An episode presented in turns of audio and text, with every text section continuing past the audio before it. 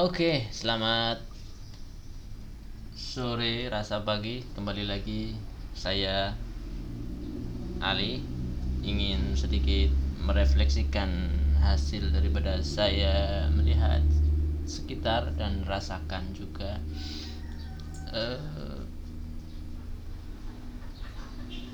saya ingin menjelaskan masih menjelaskan tentang angin ya karena saya tertarik dengan angin ini karena perlu perlu penjelasan yang cukup e, banyak tentang angin ini.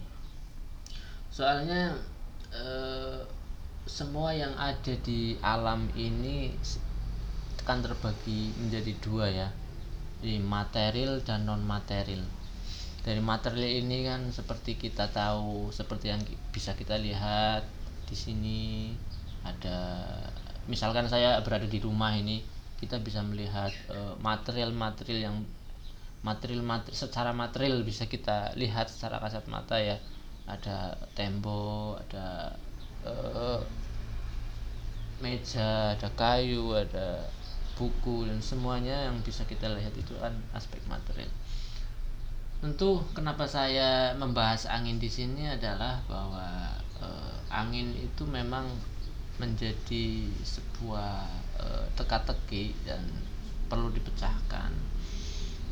Karena saya tidak bisa menyimpulkan angin ini e, adalah sebuah e, ses, adalah sesuatu yang material atau non material karena secara yang sejauh ini yang telah saya pahami bahwa angin ini tidak bisa kita lihat angin ini tidak bisa kita lihat. Hanya bisa kita rasakan efek yang eh, terjadi ketika angin itu berembus angin itu bergerak. Kita hanya bisa melihat efek-efek atau pengaruh dari angin itu. Misalkan saja kita lihat lambaian daun di luar sana karena kondisi saya sedang ada di dalam rumah. Pergerakan daun ini kan tentu karena adanya eh, hembusan angin atau dorongan angin yang bergerak. Tapi kita melupakan eh, bentuk angin itu sendiri. Ya lagi-lagi kenapa ada kata-kata bentuk angin ya? Tentu kan butuh pertanyaan juga. Angin itu bentuknya seperti apa? Ya tentu angin ini nggak berbentuk ya.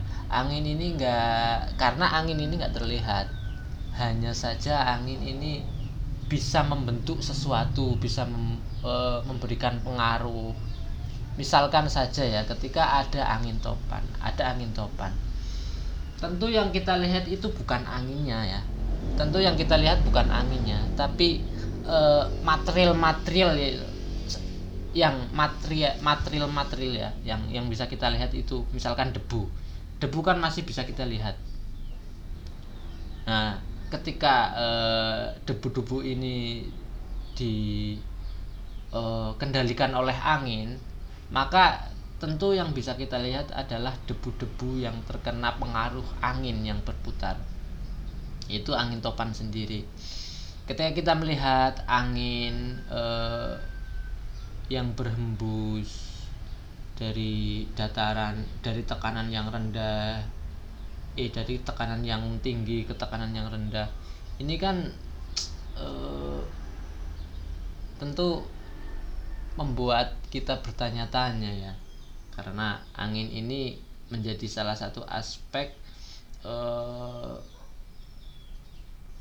terbentuknya kehidupan ya. Terbentuknya kehidupan. Misalkan saja contoh kecilnya gini. Ada banyak teknologi-teknologi itu tentu memanfaatkan angin dalam hal ini.